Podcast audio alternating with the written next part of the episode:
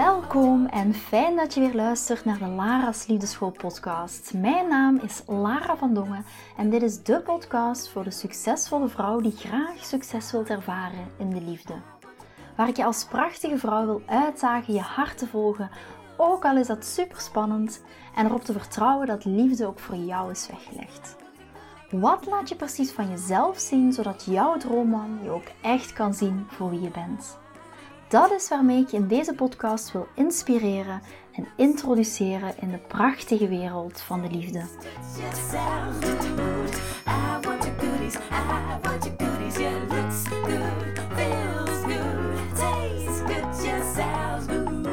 In deze aflevering gaan we het hebben over houden mannen van bitches of net niet. En hoe is dat er gekomen deze aflevering? Omdat ik had gisteren een gesprek met Chris en ik vroeg hem: Schat, wat heeft ervoor gezorgd of waarom voelde jij dat ik jouw vrouw was? En zijn antwoord was: Omdat je een uitdaging was al vanaf het begin. En dat vond ik een super interessante, want heel vaak komen dames bij mij en zeggen: Lara, ik ben heel lief en aardig en vriendelijk voor een man, maar ik heb het, de indruk dat ik een bitch moet zijn, want anders vallen mannen niet voor mij. Ik ken, ik ken een vriendin, ik ken een collega, ik ken een familielid. Ehm, en zij zijn gewoon een bitch bij een man. En zij krijgen alle mannen en ik als goede, goedhartige vrouw blijf achter met niks. Dus ik kan beter een bitch worden. En vandaar dat ik ook aan die, die vraag aan Chris stelde. En Chris en ik hebben uiteraard regelmatig gesprekken over ehm, waarom reageer je als man zo? Hoe zie jij als man dat? Ik begeleid uiteraard ook mannen. En die vraag stel ik ook aan hen, maar het is altijd interessant om dat ook met je partner te bespreken. Dus vandaar kwam ook de vraag van, schat, waarom voelde je dat ik jouw vrouw was? En hij zei, omdat je een uitdaging was vanaf het begin. En dat is wat ik van zoveel van mijn mannen hoor. Ja, mijn vrouw, daar heb ik wel moeite voor moeten doen. En de oorsprong, dat vergeet veel vaak, maar de oorsprong van deze uitspraak, die ligt ergens. Die ligt in de paradox tussen liefde en verlangen in romantische relaties. En dat is echt wel een paradox. Vaak zijn wij als vrouwen heel goed in het stukje liefde creëren, maar vinden we het stukje verlangen meer een uitdaging. En het kan ook vice versa zijn, maar wat ik vaak tegenkom is dat dames heel goed zijn in het stukje creëren van liefde, maar het stukje verlangen, dat loopt niet altijd over uh, rolletjes. Maar beide zijn nodig voor een relatie op lange termijn. Dus zowel liefde als verlangen is nodig voor een romantische relatie op lange termijn. Dus en net die magische combi tussen liefde en verlangen zorgt er net voor dat een man 100% voor je gaat en ook blijft gaan. Want uiteraard willen we ook, als we een aantal jaren verder zijn of een aantal maanden verder zijn, nog het gevoel hebben van yes, deze man die gaat voor mij, deze man is er voor mij. En zoals Chris tegen mij zei, jij was een uitdaging. En onthoud dat, hou dat even in je achterhoofd. Maar een uitdaging zijn is niet hetzelfde als een bitch zijn. De kracht zit hem in een uitdaging zijn en niet in een bitch zijn. Hou dat echt vooral in je achterhoofd. Wat ik vaak van dames hoor die beslissen ook om mee te doen aan mijn Inner Circle Love Queen groep voor single dames, is het volgende. Lara, ik zou graag willen dat hij meer initiatief neemt. Ik zou graag willen dat hij meer berichtjes stuurt. Dat hij mij voor een volgende date al vraagt. Dat hij zegt dat hij me leuk vindt. Dat hij zegt dat hij me mist. Ik zou het fantastisch vinden als ik voel dat hij met mij bezig is in alledaagse kleine dingen dat hij aan mij denkt en mij dan een berichtje stuurt. En vaak wat ik ook te horen krijg, Lara, waarom lijkt alles goed te gaan en ineens word ik geghost? Verdwijnt hij? Trekt hij zich terug? Of Lara, ik vind de man waarmee ik date leuk, maar ik zou toch wat meer vonk willen voelen. Herken jij jezelf hierin? Dat je graag wil dat de man meer initiatief neemt. Dat hij jou vraagt voor een volgende date. Dat hij het gevoel dat hij met jou bezig is. Herken je jezelf weer en dat je dat heel graag zou willen. Misschien wil je graag dat een man meer contact met jou opneemt. Je wilt misschien beter begrijpen hoe het komt dat hij zich terugtrekt. Of waarom dat je nooit verder komt dan over die drie maanden heen. En het goede nieuws is dat het antwoord op deze vragen, op al die vragen, al die wensen die je hebt, is om te leren hoe je het verlangen aanwakkert. En in een romantische relatie zijn er twee belangrijke elementen. En dat is, ik heb het kort net over gehad, één is de emotie van liefde. Dus de emotie van liefde die sluit aan ook met intimiteit. En ten tweede is de emotie van verlangen. Heel veel dames willen begrijpen hoe daten en relaties werken. En hier is wat we vaak niet weten: dat verlangen slechts één van de elementen is die op lange termijn een relatie doen werken. Verlangen is een belangrijk onderdeel, maar niet het enige onderdeel. Het eerste deel is die emotie van liefde en intimiteit en het tweede deel is de emotie van verlangen. Maar beide zijn belangrijk. Liefde en verlangen. En liefde en verlangen zijn twee emoties die geproduceerd worden door verschillende ervaringen. Dus liefde, ik ga het even herhalen, liefde en verlangen zijn twee emoties die geproduceerd worden door verschillende ervaringen. En dit verklaart waarom jij van een man kan houden en hij van jou, maar de vonk is er niet. Of de vonk is er niet meer. En dit verklaart dat alles goed lijkt te gaan met een man waarmee je aan het daten bent en plotseling hoor je niks meer van hem. Dus de liefde versus die verlangen paradox is ontstaan om je te laten zien dat zowel liefde als verlangen belangrijk en ook essentieel zijn om een lange termijn romantische relatie te laten bloeien. Maar het is belangrijk om te weten dat het totaal andere ervaringen zijn. Zoals ik net al zei, liefde en verlangen zijn twee emoties die geproduceerd worden door verschillende ervaringen. Wat liefde produceert, doodt het verlangen. En wat verlangen produceert, doodt de liefde. En vandaar dat het een paradox is. Dus wat liefde produceert, doodt het verlangen. En wat verlangen produceert, doodt de liefde. Als er iets is waarvan je deze aflevering onthoudt, dan is het dit. En daarom is het de paradox tussen liefde en verlangen.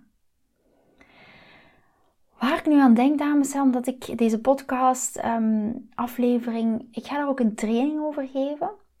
Uh, de training heet Hoe valt een man als een blok voor jou en niet voor je jartellen of niet voor je jartels? En daar ga ik het ook hebben over die paradox. De training gaat ongeveer een uurtje duren en daar ga ik volledig in de diepte over die paradox tussen liefde en verlangen. De training die gaat doorgaan op 19 september om 8 uur s'avonds, dat is op een maandag. Uh, heel kort, wat gaan we in de training leren? Wat is het verschil tussen liefde en verlangen in romantische relaties? Ten tweede gaan we het hebben over uh, drie dingen die ervoor zorgen dat zijn verlangen naar jou aangewakkerd wordt. Ten derde gaan we het hebben over drie desire of verlangenskillers die het verlangen doden. En dan ga ik over naar drie praktische manieren om zijn verlangen aan te wakkeren om direct mee te starten. Dus heb je zoiets van Lara, ik vind het super interessant, die paradox tussen liefde en verlangen. Geef je dan zeker op voor de training. Zou je zeker op tijd inschrijven, want ik weet dat die training heel snel vollopen. Ga naar mijn Instagram, ga naar mijn Facebookgroep Lara's Angels, zoek me persoonlijk op, whatever, op welke manier ook. Stuur me een mailtje, larasliefdeschool.com en ik stuur je de inschrijflink. Ik zou zeker niet te lang wachten, want vorige keer was op dag 1, waren, hadden er al 225 of 223 mensen geloof ik, hadden zich toen ingeschreven. Dus wacht er niet te lang mee. Maar goed. Even terug naar deze aflevering. De vraag is: wat creëert precies verlangen in een relatie? En daar heb ik net al op geantwoord. Wat creëert precies dat verlangen in een relatie? Een van de dingen die verlangen creëert is een uitdaging zijn. Dus een van de dingen die verlangen creëert is een uitdaging zijn. En nu kom ik weer terug op het begin. Dus een van de dingen waarom Chris voor mij viel, is omdat ik een uitdaging was. En die uitdaging, die creëert weer opnieuw verlangen. Zoals ik net al zei, wat liefde produceert, doodt het verlangen.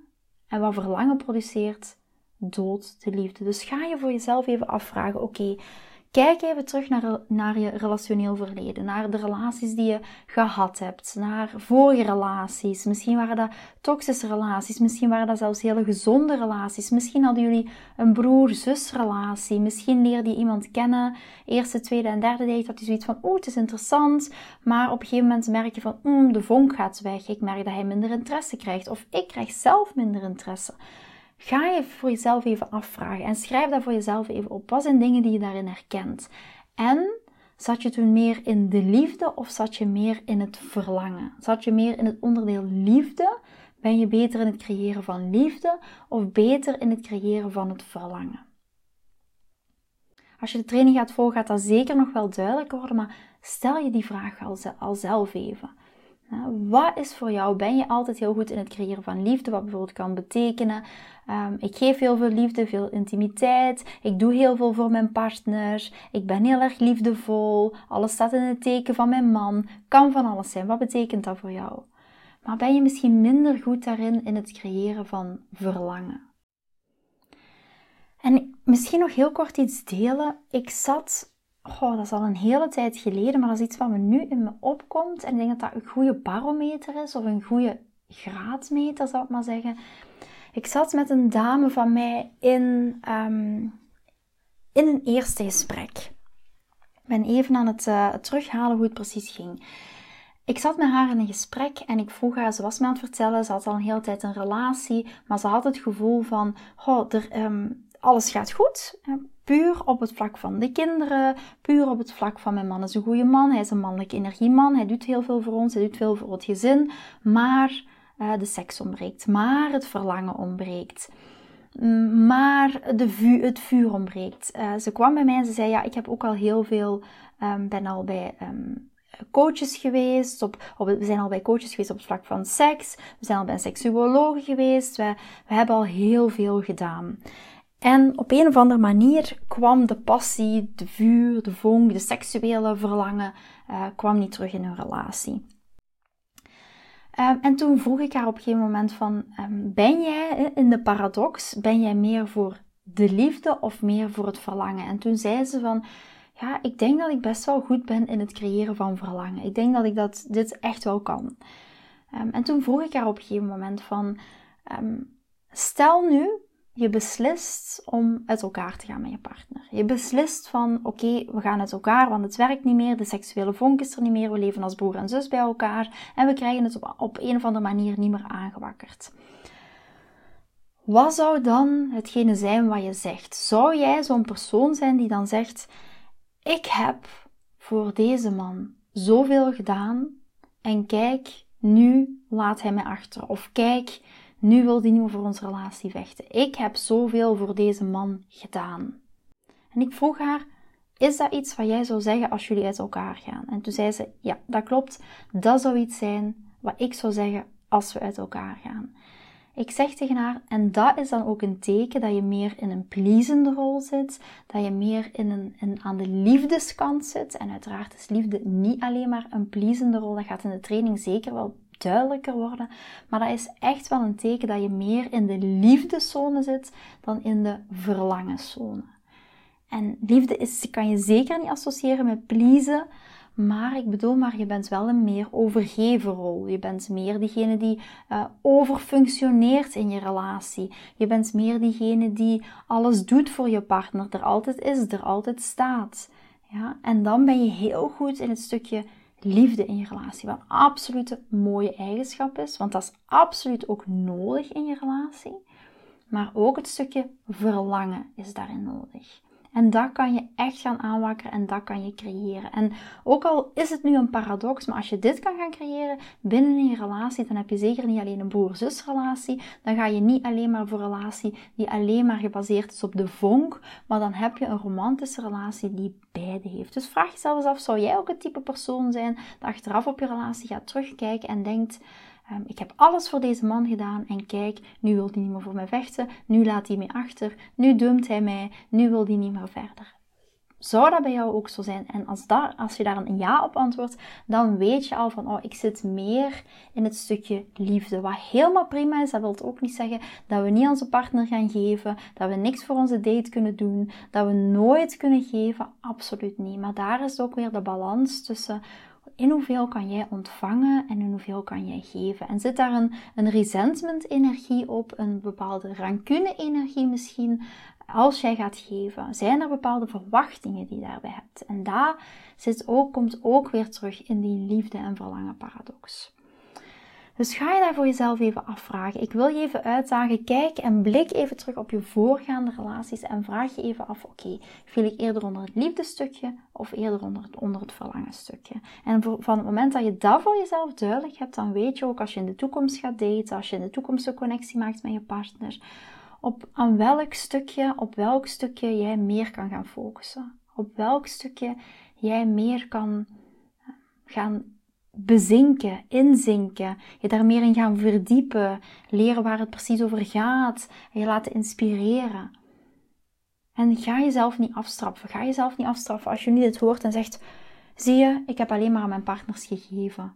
Ik heb alleen maar gegeven. En zie je, dit is mijn eigen schuld. En ik heb dit gedaan. En ik heb dit niet goed gedaan. En daarom zijn mijn relaties kapot. En ik heb dit niet. Ga niet in die rol kruipen. Dat is ook weer een slachtofferrol. Maar kijk, oké, met de kennis die ik nu opdoe, alleen maar door het luisteren naar deze podcast, door die paradox tussen liefde en verlangen, weet ik hoe ik in de toekomst in mijn relaties wil staan. Weet ik hoe ik in de toekomst wil gaan daten. En kijk daarnaar. En dat is pas een geschenk. En dat is pas een mogelijkheid. Want dat is een geschenk waarmee jij jouw toekomst ook kan veranderen. Waarmee jij jouw toekomstig liefdesleven ook kan veranderen. Dus ik wens je heel veel liefde toe, maar ook een hele hoop verlangen. Vind je deze podcast interessant en heb je na het luisteren van deze podcast het gevoel van yes, mijn tijd is nu.